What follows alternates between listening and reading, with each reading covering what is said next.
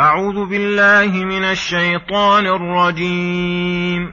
ورد الله الذين كفروا بغيظهم لم ينالوا خيرا.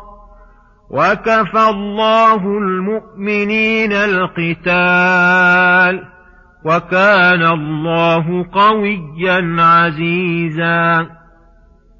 وأنزل الذين ظاهروهم من أهل الكتاب من صياصيهم من صياصيهم وقذف في قلوبهم الرعب فريقا تقتلون وتأسرون فريقا.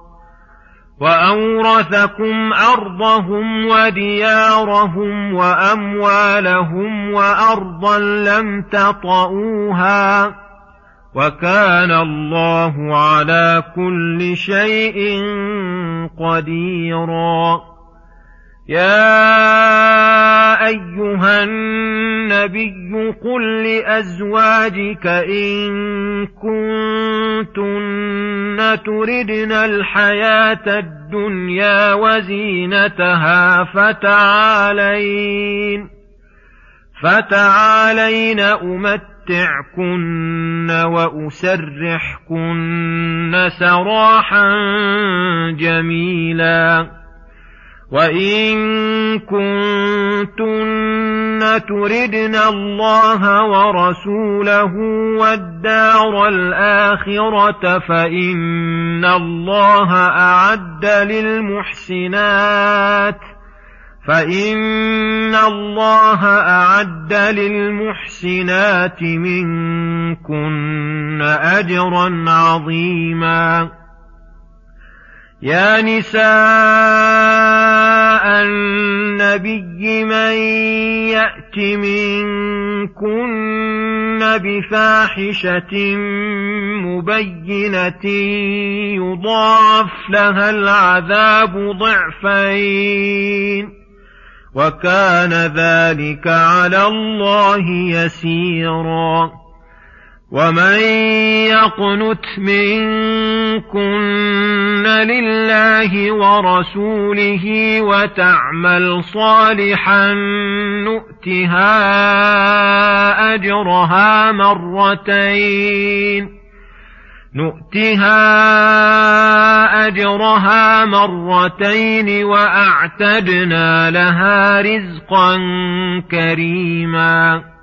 بسم الله الرحمن الرحيم. السلام عليكم ورحمة الله وبركاته. يقول الله سبحانه ورد الله الذين كفروا بغيظهم لم ينالوا خيرا. أي ردهم خائبين لم يحصل لهم الأمر الذي كانوا حريصين عليه. مغتاظين قادرين عليه جازمين بأن لهم الدائرة قد غرتهم جموعهم وأعجبوا بتحزبهم وفرحوا بعددهم وعددهم فأرسل الله عليهم ريحا عظيمة وهي ريح الصبا فزعزعت مراكزهم وقوضت خيامهم وكفأت قدورهم وأزعجتهم وضربهم الله بالرعب فانصرفوا بغيظهم وهذا من نصر الله لعباده المؤمنين. وكفى الله المؤمنين القتال بما صنع لهم من الأسباب العادية والقدرية. وكان الله قويا عزيزا لا يغالبه أحد إلا غلب ولا يستنصره أحد إلا غلب ولا يعجزه أمر أراده ولا ينفع أهل القوة والعزة قوتهم وعزتهم إن لم يعنهم الله بقوته وعزته. وأنزل الذين ظاهروهم أي عاونوهم من أهل الكتاب أي من اليهود من صياصيهم أي أنزلهم من حصونهم نزولا مظفورا بهم مجعولين تحت حكم الإسلام. وقذف في قلوبهم الرعب فلم يقووا على القتال بل استسلموا وخضعوا وذلوا. فريقا تقتلون وهم الرجال المقاتلون وتأسرون فريقا من عداهم من النساء والصبيان وأورثكم أي غنمكم أرضهم وديارهم وأموالهم أرضا لم تطئوها أي أرضا كانت من قبل من شرفها وعزتها عند أهلها لا تتمكنون من وطئها فمكنكم الله منها ومن أهلها وخذلهم وغنمتم أموالهم وقتلتموهم وأسرتموهم وكان الله على كل شيء قديرا. لا يعجزه شيء ومن قدرته قدر لكم ما قدر. وكانت هذه الطائفة من أهل الكتاب هم بنو قريظة من اليهود في خارج في قرية خارج المدينة غير بعيدة. وكان النبي صلى الله عليه وسلم حين هاجر إلى المدينة وادعهم وهادنهم فلم يقاتلهم. ولم يقاتلوه وهم باقون على دينهم لم يغير عليهم شيئا. فلما رأوا يوم الخندق الأحزاب الذين تحزبوا على رسول الله صلى الله عليه وسلم وكثرتهم وقلة المسلمين وظنوا أنهم سيستأصلون الرسول والمؤمنين. وساعد على ذلك تدجيل بعض بعض رؤسائهم عليهم نقضوا العهد الذي بينهم وبين رسول الله صلى الله عليه وسلم ومالأوا المشركين على قتاله. فلما خذل الله المشركين تفرغ رسول الله صلى الله عليه وسلم لقتالهم فحاصرهم في حصنهم فنزلوا على حكم سعد بن معاذ رضي الله عنه.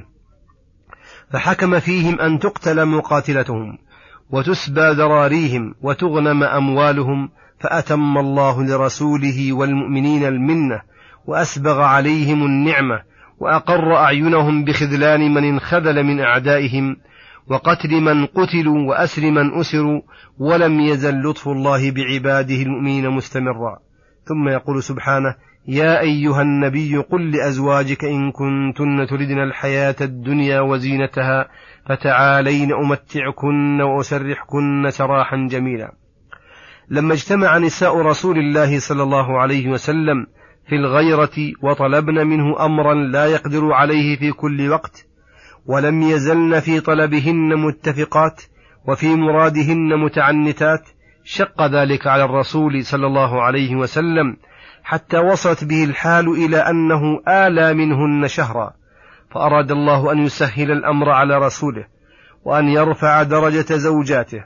ويذهب عنهن كل أمر ينقص أجرهن فأمر رسوله أن يخيرهن فقال يا أيها النبي قل, لأزواج قل لأزواجك إن كنتن تردن الحياة الدنيا وزينتها أي ليس لكن في غيرها مطلب وصرتن ترضين لوجودها وتغضبن لفقدها فليس لي فيكن أرب وحاجة وأنتن بهذه الحال فتعالين أمتعكن شيئا مما عندي من الدنيا وأسرحكن أي أفارقكن سراحا جميلا من دون مغاضبة ولا مشاتمة بل بسعة صدر وانشراح بال قبل أن تبلغ الحال إلى ما لا ينبغي.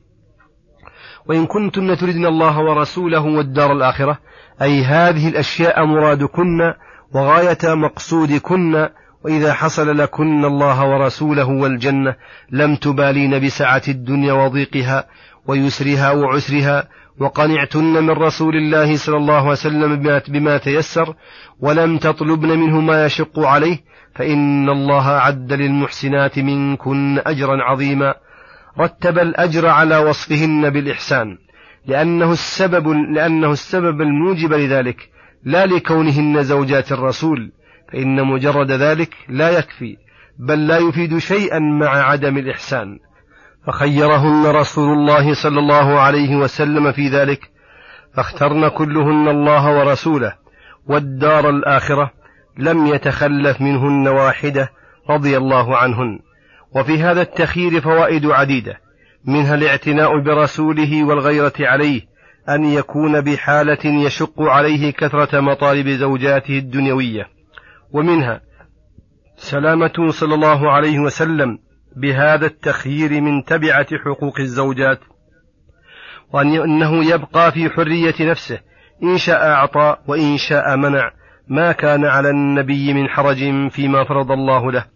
ومنها تنزيهه عما لو كان فيهن من تؤثر الدنيا على الله ورسوله والدار الآخرة وعن مقارنتها. ومنها سلامة زوجاته رضي الله عنهن عن الإثم والتعرض لسخط الله ورسوله فحسم الله بهذا التخيير عنهن التسخط على الرسول الموجب لسخطه المسخط ربه الموجب لعقابه ومنها إظهار رفعتهن وعلو درجتهن وبيان علو هممهن أن كان الله ورسوله ورسوله والدار الآخرة مرادهن ومقصودهن دون الدنيا وحطامها. ومنها استعدادهن بهذا اختيار للأمر المختار للوصول إلى خيار درجات الجنة وأن يكن زوجاته في الدنيا والآخرة ومنها ظهور المناسبة بينه وبينهن فإنه أكمل وأراد الله أن تكون نساؤه كاملات مكملات. طيبات مطيبات الطيبات الطيبين والطيبون الطيبات. ومنها أن هذا التخيير داع موجب للقناعة التي يطمئن لها القلب وينشرح لها الصدر ويزول عنهن جشع الحرص وعدم الرضا الموجب لقلق القلب واضطرابه وهمه وغمه. ومنها أن يكون اختيارهن هذا سببا لزيادة أجرهن ومضاعفته وأن يكن بمرتبة ليس فيها أحد من النساء. ولهذا قال يا نساء النبي إلى قوله رزقا كريما. ثم, ثم لما اخترنا الله ورسوله والدار الآخرة ذكر مضاعفة أجرهن ومضاعفة وزرهن وإثمهن لو جرى منهن ليزداد حذرهن وشكرهن الله تعالى فجعل لمن أتى منهن بفاحشة ظاهرة العذاب ضعفين ومن يقنت منكن أي تطيع لله ورسوله وتعمل, وتعمل صالحا قليلا أو كثيرا نؤتها أجرها مرتين أي مثل ما نعطي غيرها مرتين. واعتدنا لها رزقا كريما وهي الجنة فقنتن لله ورسوله وعملن صالحا فعلم بذلك أجرهن وصلى الله وسلم على نبينا محمد وعلى آله وصحبه أجمعين. وإلى الحلقة القادمة غدا إن شاء الله والسلام عليكم ورحمة الله وبركاته.